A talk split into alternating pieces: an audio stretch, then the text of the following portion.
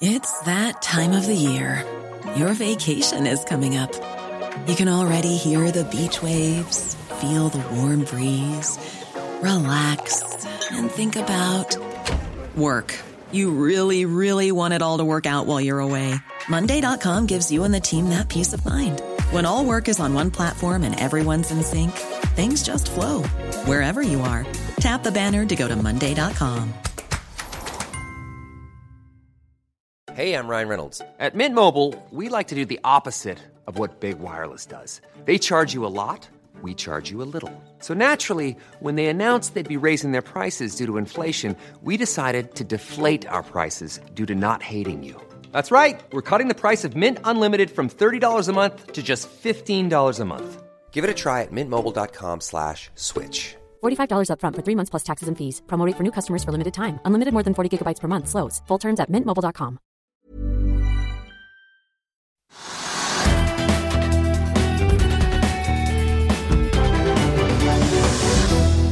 En eh, riktig god fredag og velkommen til Økonominyhetene, der vi igjen ser Oslo Børs over 1200 poeng på hovedindeksen. I dagens sending eh, ser vi nærmere på ESG-rapporteringen til norske selskap, og hører fra en av toppsjefene i det vi kan kalle en av ESG-originalene på børsen. Vi skal også få teknisk analyse av Okea, som jo storaksjonær Bank Chak har varslet at de ønsker å selge en aksjepost i. Og så blir det også litt bilprat på tampen av eh, sendingen. Dagen i dag er jo preget av at eh, veldig mange følger med på EUs energiministre som skal møtes, og hva de eventuelt sier om forslagene fra EU-kommisjonen på både pristak på russisk gass og ekstra beskatning av europeiske kraftselskaper. Vi så jo tidligere denne uken at OPEC pluss bestemte seg for å kutte 100 000 fat i produksjonsplanene sine og dermed holde seg på augustnivået. Vi så en oljepris på nordsjøoljen som bikket under 90 dollar fatet for første gang siden januar. Nå er nordsjøoljen igjen over 90 dollar i dag. Nå ligger den på 90 dollar og 80 cent, opp ganske solide 2,5 Hovedveksten på Oslo Børs stiger også solid, altså, opp 1,9% Og det er altså 1237,7 som er det magiske tallet. Nå ligger vi på 1209. 1237 det er nemlig sluttkursen sist fredag, så det ser fortsatt ut som vi ender uken forsiktig i minus, til tross for oppgangen også i dag. Rundt oss i Europa så er det grønt på børsen i dag, og det ser også ut som vi får en oppgang i det amerikanske markedet når de åpner om et par timers tid. Vi ser at eh, nervøsiteten kanskje roer seg litt nå på tampen av uken. Tiåringen i eh, statsgjeldsmarkedet i USA er ned 1,7 eh, til 3,26. Vi må ta med litt makro, for dagen etter at den europeiske sentralbanken jekket opp rentenivået i eurosonen med 0,75 prosentpoeng som varslet, og annonserte at det kommer flere, men ikke spesifiserte renteøkninger fremover, så serverer SSB oss tall for inflasjonen i Norge. I, eh, altså da julitallene kom, så speiet jo mange øynene opp da prisveksten i Norge hadde steget til 6,8% på årsbasis, det høyeste nivået vi har sett siden slutten av 80-tallet.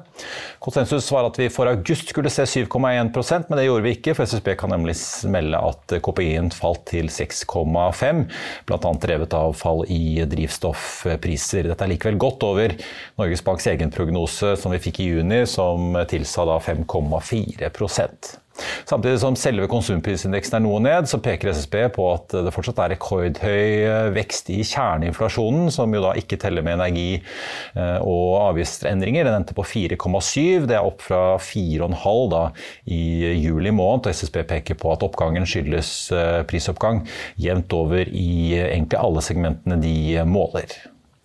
Kongsberg Gruppen meldte i dag at Spanias marine erstatter Harpoon-missilene sine med det norske Naval Strike Missile, altså NSM, på fregattene sine. Og dermed kan det norske forsvarskonsernet innkassere nok en missilkunde. Kongsberg vil foreløpig ikke si noe om eh, verdien av kontrakten, men det de kan si noe om, er en annen bestilling som ble annonsert i dag, nemlig en eh, ny bestilling fra den amerikanske marinen for NSM-missiler verdt 328 millioner, som da kommer via deres amerikanske partner eh, Raytheon. Dette er jo en del av en større ordre på nesten 8 milliarder kroner, som ble annonsert tilbake i 2018. Og direktør for missildivisjonen i Kongsberg Defence, Øyvind Kolseth, sier at de nå ser at volumene på bestillingene fra USA øker kraftig på missilsiden, og at dette gir et behov for økt produksjonskapasitet både hos Kongsberg og underleverandøren deres, og at de, som annonsert på kapitalmarkedsdagen tilbake i juni, har påbegynt en betydelig investering i en ny missilfabrikk. La oss i Finansavisen hjelpe deg med å holde deg oppdatert på alt som skjer i finans og næringsliv. Hver morgen er jeg, Marius Lorentzen og aksjekommentator Karl Johan Molnes på plass i studio for å ta tempen på dagens marked i Børsmorgen. På ettermiddagen oppsummerer vi alt du trenger å vite i økonominyhetene, og så får vi selvfølgelig besøk av masse interessante gjester. Du finner oss på fa.no-tv, eller ved å søke opp Børsmorgen og Økonominyhetene der du hører på podkast. Øystein Strauss Betan-dominerte Standard Supply skyter opp nesten 15 i dag, etter en oppdatering fra selskapet som viste en forbedret inntjening fra juli til august. Tor Olav Trøims eh, LNG-rederi Cool Company stiger også litt over 4 etter at Arctic Securities oppjusterte kursmålet. Ellers i shippingsektoren så fortsetter Hafnia opp etter gårsdagens milliardsalg fra storeieren Oaktree. Da ble jo aksjene da solgt til 42 kroner aksjen. Og så stiger Nell eh, bitte litt, til tross for å ha blitt nedgradert av både Pareto og Credit Suisse. Bil og børs er jo i vinden. Ikke bare har jo Volvo Polestar funnet veien til børs eh, den siste tiden, men Porsche gjør også det som eh, vi snakket om på Børsmorgen i dag. Ser man over dammen, så er jo Tesla et eh, stort amerikansk eksempel på et børsnotert bilmerke, men i dagens aksjetips så ser Sindre nærmere på et annet, nemlig Rivian. Tesla er Apple på steroider, sier analytiker, som mener kursen kan tredobles innen ett år. Bør du kjøpe elbilgiganten eller konkurrenten Rivian? Det er fredag, og dette er aksjetipset. Tesla har falt tungt på børs i år, og var på et punkt ned nesten 50% fra toppen i januar. Nå har det imidlertid gått bedre siden sommeren, og aksjen er ned bare 20% siden nyttår. George Gianaraikas, senioranalytiker i Canaccord Genuity, sier at han ser store likheter mellom Apple og Tesla. Eneste forskjell er at Tesla er Apple på steroider, sier George. Han peker også på at Tesla produserer bilene sine selv, mens Apple outsourcer mye av arbeidet sitt. Så det gjør Musk-imperiets marginer mye bedre. Sjefanalytikeren har satt kursmålet til 800 dollar, og det betyr at du kan tredoble pengene eh, som du satser på Tesla i dag. Nå skal det sies at Canagord-analytikeren han er stålbull på aksjen. Gjennomsnittlig så er det bare så vidt over halvparten av analytikerne som anbefaler kjøp, og kursmålet er satt til 290 dollar i snitt. Det gir en oppside på bare 3% fra kursen i dag. Rivian derimot er fremdeles på krybbestadiet sammenligna med Tesla. Det som er kult, er at selskapet har avtalt med Amazon at de skal levere 100 000 elektriske varebiler til giganten. Så det står ikke på store kontrakter for Rivian. Gjennomsnittlig kursmål her er på 51 dollar. Det gir en oppside på 40% Seks av ti analytikere anbefaler kjøp. ESG i motvind, ja det kan vi lese på forsiden av Kapital i dag. Og blar man opp, så kan man også lese at norske selskaper er best på bærekraftsrapportering over Sverige og Danmark. Så 1-0 til oss, altså. Men at det er fortsatt noen hull vi må se nærmere på. Med oss nå så har jeg fått besøk av de som har gått gjennom rapportene, og en som leder et av selskapene som ja, er vel omtrent det nærmeste man kommer en ESG-veteran i norsk næringsliv. Velkommen til oss, Per A. Sørli, konsertsjef i Borregaard, og Maria Uh, Jølberg, da partner i uh, nå må jeg få det riktig her, Position Green, for dere het jo før The Governance Group. Velkommen. Vel, tusen takk. Jeg tenkte jeg bare skulle gjøre sånn, så kan vi se på coveret. Det er et veldig uh, artistisk bilde av Elon Musk fra Tesla her. Men det er ikke Tesla dere egentlig har sett så nærme på. Maria, fortell litt hva er det dere egentlig har gjort. For dere kommer jo nå fra et arrangement nede i Losjen i Oslo hvor en rekke toppledere i norsk næringsliv stilte opp. Ja, eh, Tesla er jo ennå ikke notert på Oslo Børs. Nei. Eh, vi har sett på de 100 største på børsene i Oslo, Stockholm og København. Eh, og Der ser vi jo på hva de rapporterer innenfor ESG og bærekraft. Kvaliteten ja. på dataen og informasjonen de gir. Så det er jo ikke en rangering av de mest bærekraftige forretningsmodellene, for å si det sånn. Og det ser man jo også av de som ligger øverst på lista. Eh, så vi, vi, er opptatt av hvilken informasjon man gir til markedet, sånn at de kan ta riktige beslutninger selv. Ja, for at eh, Per oppe på topp av listen med A pluss i karakterboken, så har du jo selskap av både Equinor og Yara for de som ikke kjenner Borregaard, eh, hva skal man si, altså, biokjemiselskap? Eller dere produserer jo mye finurlige ting ut av trevirke, vet jeg? Ja, vi, laver, vi, har jo primært biomasse, grantre faktisk, som startmateriale. Vi lager 800 produkter fra det startmaterialet. Og Fellesnevneren på de produktene er jo at de konkurrerer mot oljebaserte alternativer. Ja. Så Sånn sett så lager vi biokjemikalier, da, et alternativ til petrokjemiske produkter. Så Sånn sett så er jo våre produkter grønne. Men vi også er jo en kjemisk bedrift som har utslipp både til luft og vann. Men eh, hvis du ser på livssyklusanalysen for våre produkter, så har jo de et mye lavere fotavtrykk enn de alternative produktene. Ja, for Hvis vi tar de da, Maria, altså På topp da, så finner vi da Borregaard, Equinor og Yara. Vi vet jo Yara bruker masse naturgass for å lage kunstgjødsel. Equinor er ganske selvforklarende. Produserer jo, ja, De driver også med fornybar, men det er jo i all hovedsak eh, olje og gass. Hva er det de da gjør som gjør at de kan komme på topp i rangeringen?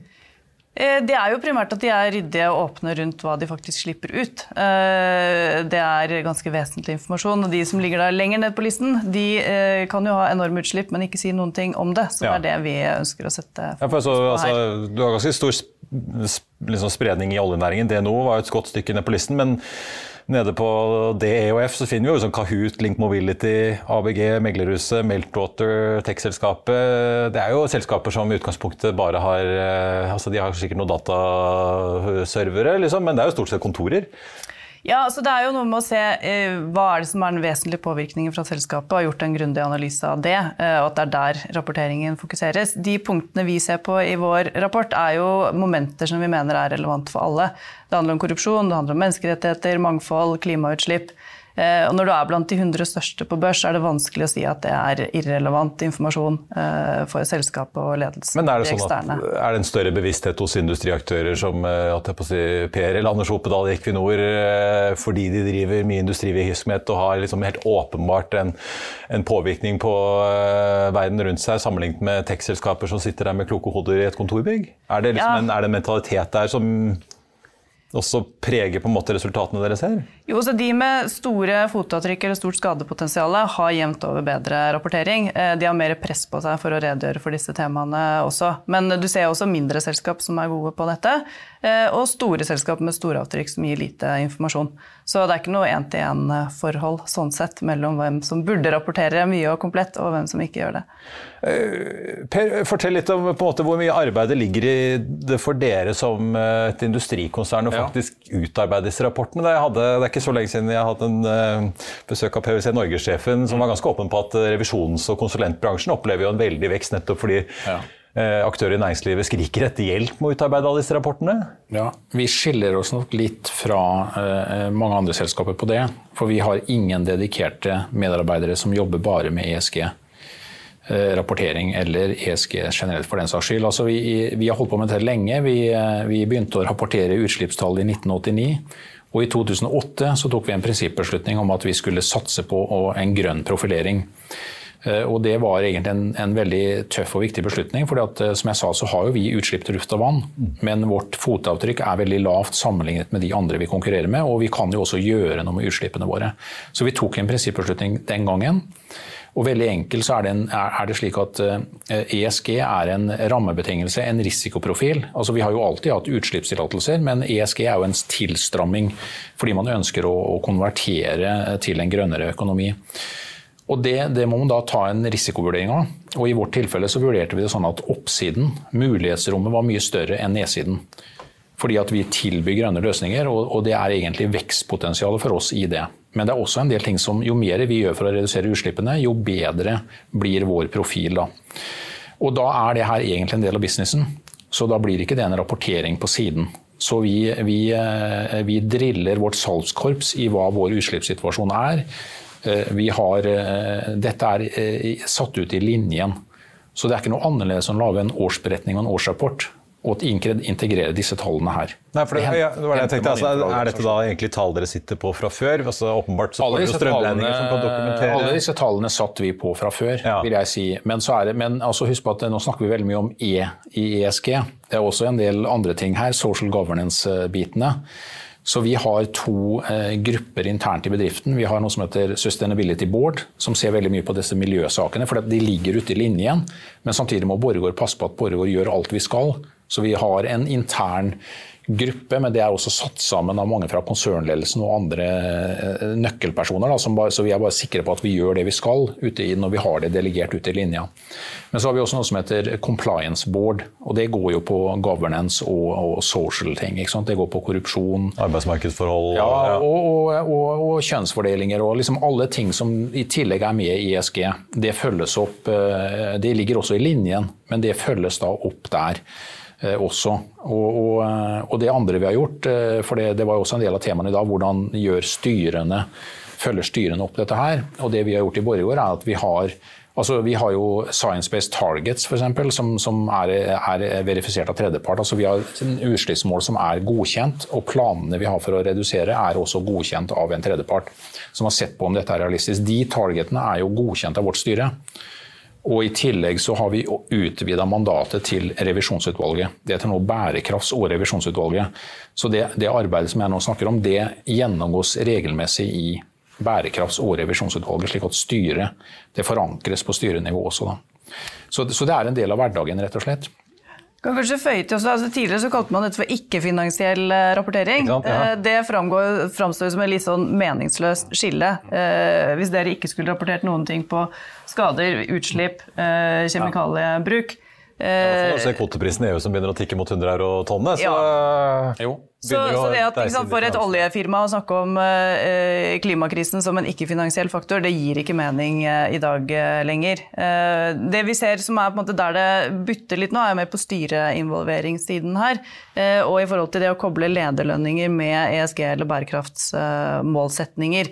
det er til en viss grad mål uten konsekvenser, eller det er i hvert fall lite åpenhet om hvordan styrer og ledergrupper da følger opp dette. Ja, For det er ikke der disse insentivprogrammene til ledergruppen settes? det er ikke Svak kobling, i hvert fall i det som kommuniseres eksternt. Ja. Hva som gjøres internt, det har jo ikke vi noen eh, kontroll på i forhold til at vi bare ser på ekstern informasjon. Eh, men eksternt så kommuniseres det veldig lite rundt hvordan styrene følger opp. Eh, og hvordan ledergruppen måte, premieres for uh, hvorvidt man når disse klimamålene man setter eller, eller, ikke. Men På regnskap har vi jo IFRS f.eks. I USA har de Gap som ganske sånn standardiserte. Så kan man selvfølgelig diskutere litt hvordan uh, selskapet bokfører ting, men mm. i det store og det hele relativt standardisert. Det har jo vært en diskusjon på ESG-rapportering lenge at det er litt sånn forskjellige standarder og måter selskaper både måler og setter seg mål. Ja, Hva er egentlig utviklingen på det feltet nå? Ja, altså, sånn som dere sammenligner Norge, Sverige, Danmark? Ja. En hel gjeng gjeng som sitter og koser seg med å lage eh, rapporteringskrav som skal inn i IFRS, som knytter seg til ESG. Da er det jo primært ut fra et risikohensyn og et investorhensyn at man vil ha den type informasjon. Så blir jo de tallene som investormarkedet primært eh, etterspør. EU har jo også et enormt sånn, hva kalles gjerne en tsunami av reguleringer som kommer derfra nå. Ja, altså taksonomi, eh, ja, sånn at den frivillige, fleksible La de tusen blomster blomstre-fasen, den er på vei ut. Det vil bli en ganske brå overgang. Ikke nødvendigvis for de 100 største som vi har sett på, men de som er hakket under, fra 100 og nedover til 500 største. Der er det en bøyg. Per, fortell litt om, om Dere har jo, som mange vet, virksomhet i Norge, men dere har også virksomhet i USA, i Florida? Ja, vi har to fabrikker i USA, en i Wisconsin og en i USA. Ja, og Alle som kjenner USA, vet at eh, det kan være stor forskjell fra delstat til delstat. Men mm. hvordan er det når dere skal på en måte rapportere dette her og snakke med investorer? Er det et stort spenn i hva de spør om i USA versus det de spør om i, i Europa?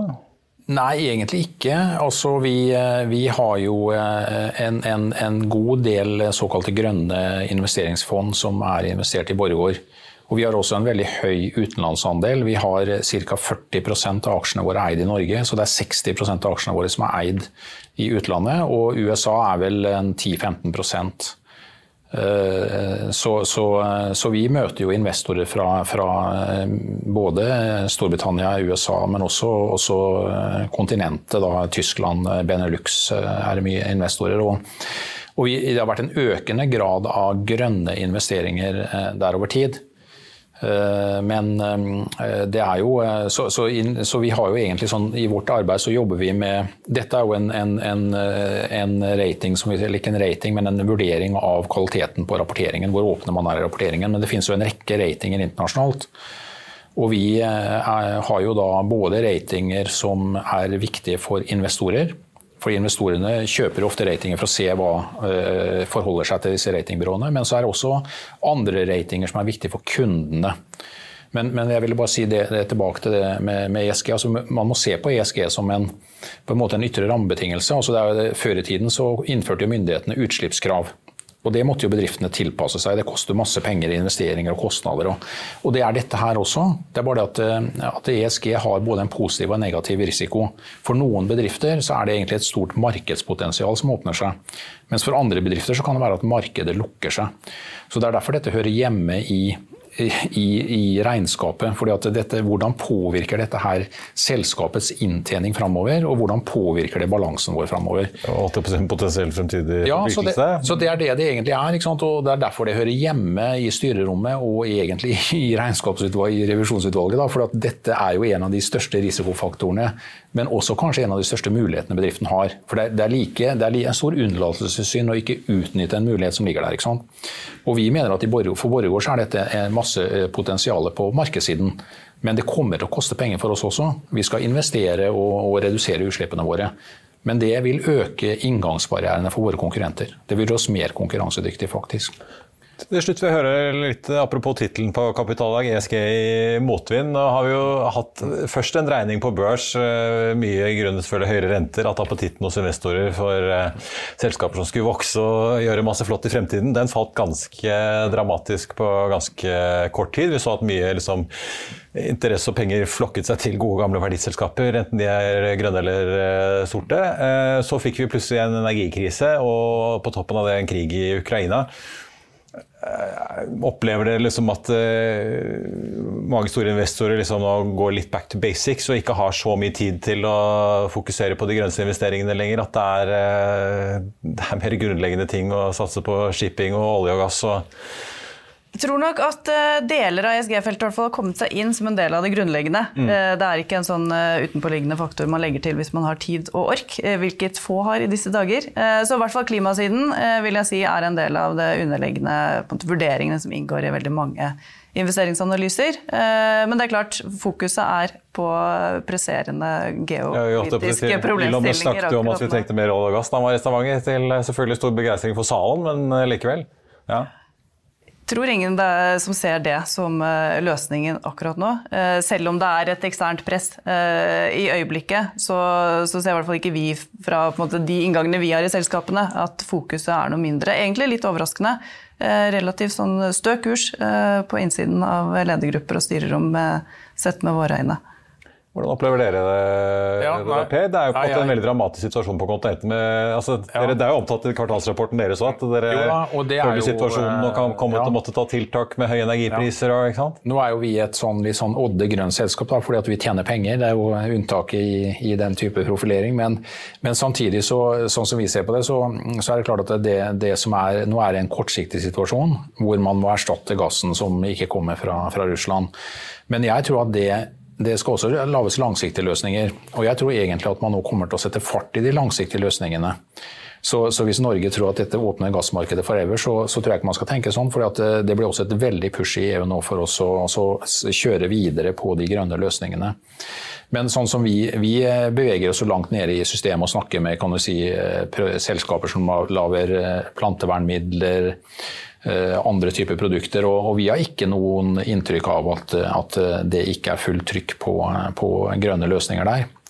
Eh, covid eh, hadde jo den, den sideeffekten at det, at det, trakk ned si, forskningsaktiviteten litt. fordi var, det var vanskelig å få kjørt storskala forsøk og sånne type ting. Men, men Eh, krigen har ikke ført til det. Det som, det som er eh, sporespørsmålet nå, er, er, om det kommer abrupte ting i markedet. Altså en, en resesjon og, og, helt abrupte ting fordi at eh, selskaper plutselig stopper fordi gassen er for dyr osv. Mm.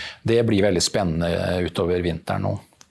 Maria, hva tror du? Altså, nå har vi sett fra EU, de snakker om uh, En ting er jo at de må finne alternativer til russisk uh, olje og gass og kull. Uh, men de snakkes jo liksom om å etablere hurtigbehandling av konsesjoner for vindkraft. og i USA ser vi at de setter regelverk og krav om at bilprodusentene må ha egne batteriverdikjeder lokalt i USA. men på liksom ESG-rapporteringssiden kan hele den krisesituasjonen føre til at uh, krav innføres kjappere og ting liksom får mer fart på seg enn det det så ut til før? Vanskelig å spå om, eh, om, det. Det vi ser når vi ser på selskapsrapporteringen nå, er jo i hvert fall på klimasiden, så er det liksom, de fleste har gode eh, regnskap å presentere. Eh, det er jo en god ting, men det er ikke like tydelig hvor de vil hen eh, i hvilken omstillingstakt de legger opp til. Sånn at rundt 40% av selskapene sier noe om hvilke netto nullutslippsplaner de har. Eh, ut fra det så er det også mulig da, å lese mer på sant, hva er investeringstakten, hvilke løsninger er det de går for. Det eh, redegjøres det ganske tynt for av mange selskaper. Så ut fra den rapporten og eh, selskapene selv presenterer til markedet, så er det ikke så lett å trekke noen slutninger om hvilket eh, tempo de har tenkt å gå i. Nei. Nei, og det er Mange som sier de skal til netto null i 2040-2050, uten at det står så veldig mye mer om hvordan. Alle skal til netto null i 2050. Sant, ja. Og det er eh, bare et par år til 2030. Da skal vi ha halvert utslippene. Eh, det kommer til å koste. Det er ikke gjort i en håndvending? Nei, altså det, og, og, det er litt avhengig av hvilken industri man er i, men, men sånn som i vår prosessindustri, så må jo vi, vi, vi forventer å begynne å gjøre ganske mange ting nå fram til 25-26, fordi det tar tid. Og det skal utvikles ny teknologi, og det skal investeres ganske store, store summer. Så, så, så, det er det jeg sier, at det kommer til å koste penger, men, men, det gir også Vi kan jo da tilby altså Når du skal gjøre den type tiltak, så har du to alternativer.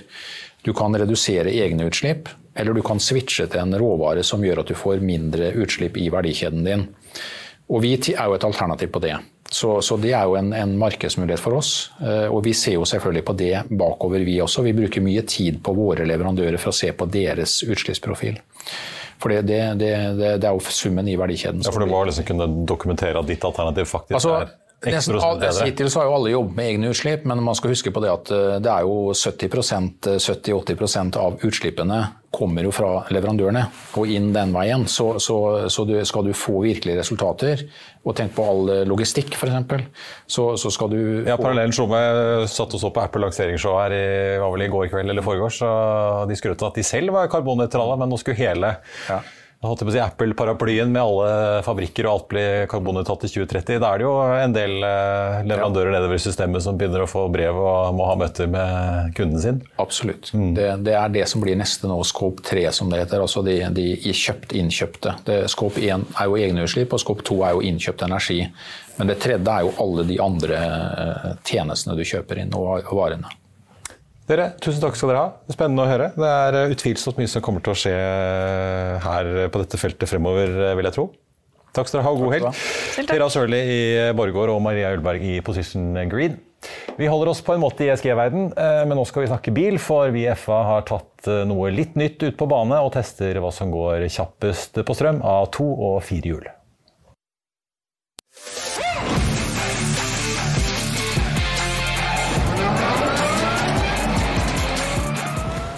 Jeg tror de aller fleste vet hva det her er. Porsche Taycan i en litt eh, heftig farge. Da må det jo være en GTS. 598 hestekrefter. Men dette, hva er dette her for noe?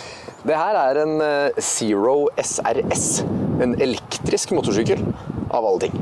Jøss. Yes. Går den nå? Den, eh, den, går. Jeg har kjørt litt rundt før her nå, og det det flytter seg. Ja, jeg er så spent da, fordi vi vet jo ikke hvordan dette kommer til å gå her på Gardermoen eh, Raceway. Så vi har jo da banen klar. 0 til 100 på denne er 3,7 sekunder med launchkontroll. Den De hevder eh, midten av totallet, men eh, vi får se. Det blir spennende. Det blir veldig gøy å se. Skal vi, skal vi teste, eller? Jeg tenker let's go. Ja, la oss gjøre det.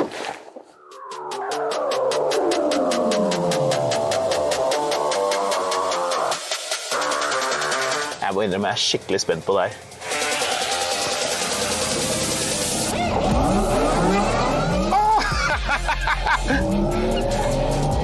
Han tar meg. Wow.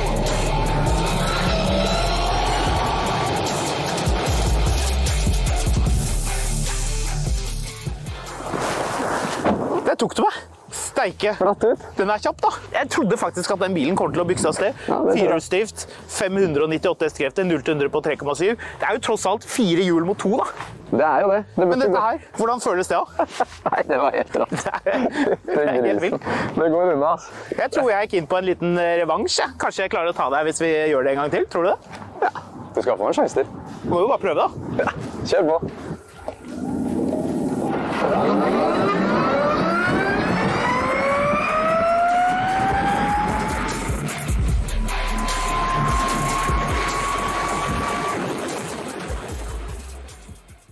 Du tok meg jo litt der, da.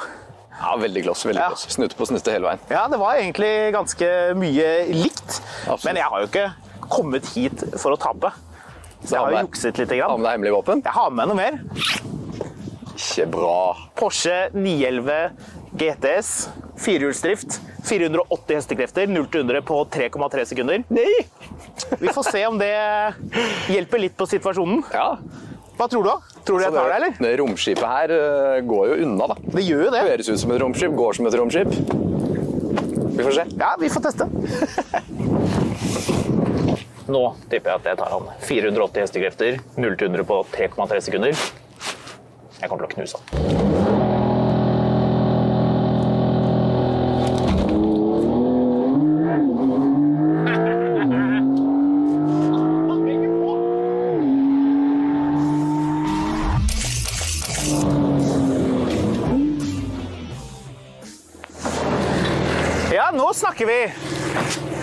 Snakker vi. Henger jo overraskende godt på den eh, sykkelen. Jeg er overraska. Jeg er overraska. De snakker jo om ned på totallet. Jeg tror det stemmer. altså. Ja, jeg er megaimponert. Det- 3,3 på den. Det, og selv om vi har gjort det en del ganger nå, og med Taycanen også, det er jo en av de tingene som er imponerende med Taycanen, er jo at den klarer rivstart etter rivstart etter rivstart, så du kan gjøre det mange ganger. Den går liksom ikke tom for juice selv om uh, du har gjort det en del ganger. Og det virker jo å være litt av det samme med den der, da. Ja, jeg er megaimponert. Du, du tok meg på starten, men jeg dro deg sakte inn mot slutten der. Du gjorde det, så jeg tenker Jeg gir på en eh, revansj, altså. Ja, jeg tror vi må gjøre det, altså. Ja. Ja. Vi prøver.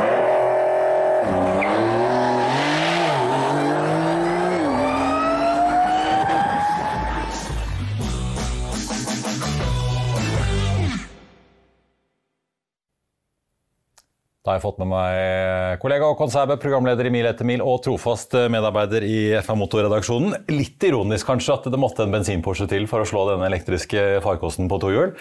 Ja, nå finnes det jo to Taycan-modeller som er eh, enda raskere. Det er jo raskere, ja. Turbo og Turbo S, så kanskje det hadde gått eh, bedre. da. Det var en GTS som på en måte var det nye, så da tenkte vi det er litt gøy å sammenligne og liksom passe på at eh, det er litt eh, usikkert eh, hva som skjer. Ja, og det går unna uansett, så lenge man er i den klassen der. Mm.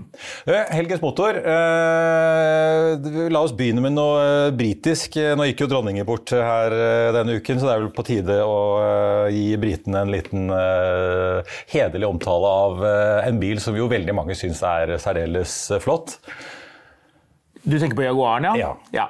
Det er jo ikke noen ny bil sånn sett, men eh, når det da eh, er å oppdrive og folk syns det er gøy Ja. Jaguar F-Type eh, R P575, som den nå heter, den har jo vært med en stund. Den har vært med også nå, men uh, som vi ser på skjermen der på bildet, det er jo en bil mange syns er utrolig pen. da. Ja, unektelig. veldig erkebritisk. Ja, og litt med den fargen også. Det er jo ikke den nye BMW V8-motoren som eh, den nye Range Roveren har fått. Dette er den gamle femliteren med kompressor, så det er litt sånn eh, Ja, hele greia er litt old school. Ja. Eh, Men den holder koken. Ja, den gjør det. Det er litt rart med det. Det er jo en stor og tung bil sammenlignet med en uh, 911. Men vi tror jo at folk syns det er gøy også. Ja, Litt annerledes. Du får noe annet. Ja. Eh, ellers i bladet, da, dere har jo testet eh, Vi vet jo at Mercedes kommer med en elektrisk gelendervogn. Dere har vel hva skal vi kalle det, testet eh, lillebroren?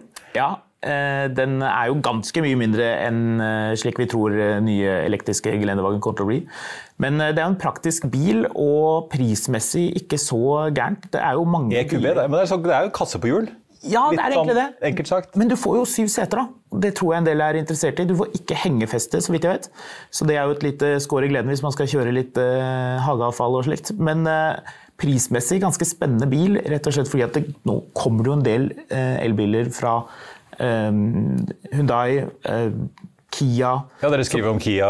Den er, jeg vet ikke hvordan den har fått EQB-en, EV9, men det er jo også en stor sysselsetter elektrisk eh, SUV. Ja, den blir jo større. Ja. Men det, det som er litt artig, er at den Mercedesen prismessig havner på et ganske sånn spennende sted. I hvert fall hvis man er litt forsiktig med utstyret. Så det kan jo være at noen egentlig vurderte en Kia eller noe annet, og så ser hm, jeg kan få en Mercedes for nesten de samme pengene. Det er som de sier, ute, folk med hjerne kjører bil med stjerne, så da kan man jo lese om det, eller noe som kanskje appellerer enda mer til hjertet, altså Jaguar, i helgens motor. Også at 2022 er et stort jubileumsår for BMW. Da er vi tilbake og får ta en liten titt på markedet nå på slutten av eh, dagen. På Oslo Børs så er hovedindeksen nå skal vi se her, den er opp 1,75 da til 1206 poeng, så fortsatt ikke nok til å hale oss da over i pluss for uken, men likevel en positiv slutt på en veldig får vi si, volatil uke, der vi altså så oljeprisen havne under 90 dollar fatet for første gang siden januar. Nå er vi tilbake igjen over 90, da, riktignok, på 90 dollar og 60 cent blank nå, opp 2,3% på nordsjøoljen i spotmarkedet. Amerikanske lettoljen snuser på 85 dollar fatet nå, 84,91.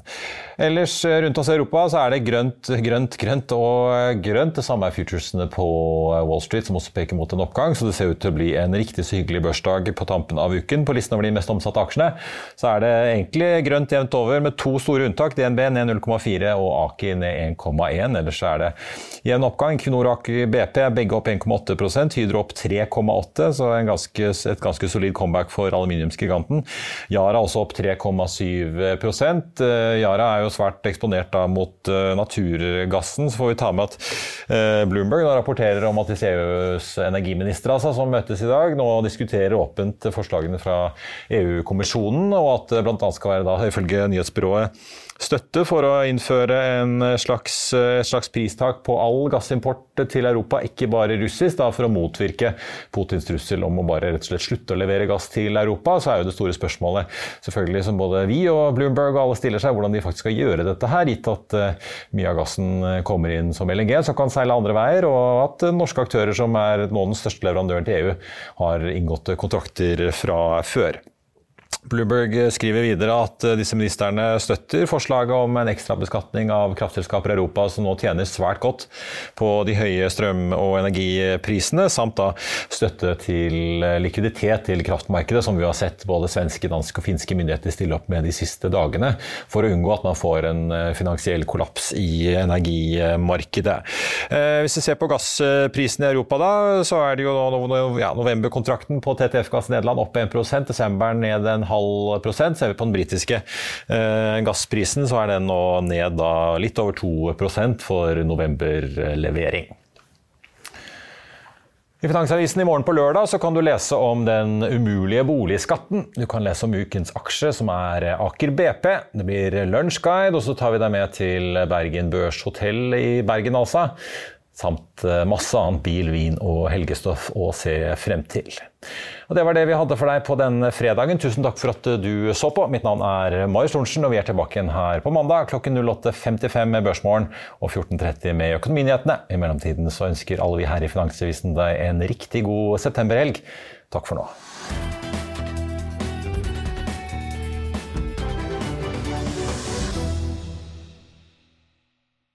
Økonominyhetene er en podkast fra Finansavisen. Programledere er Marius Lorentzen, Stein Ove Haugen og Benedikte Storm Bamvik.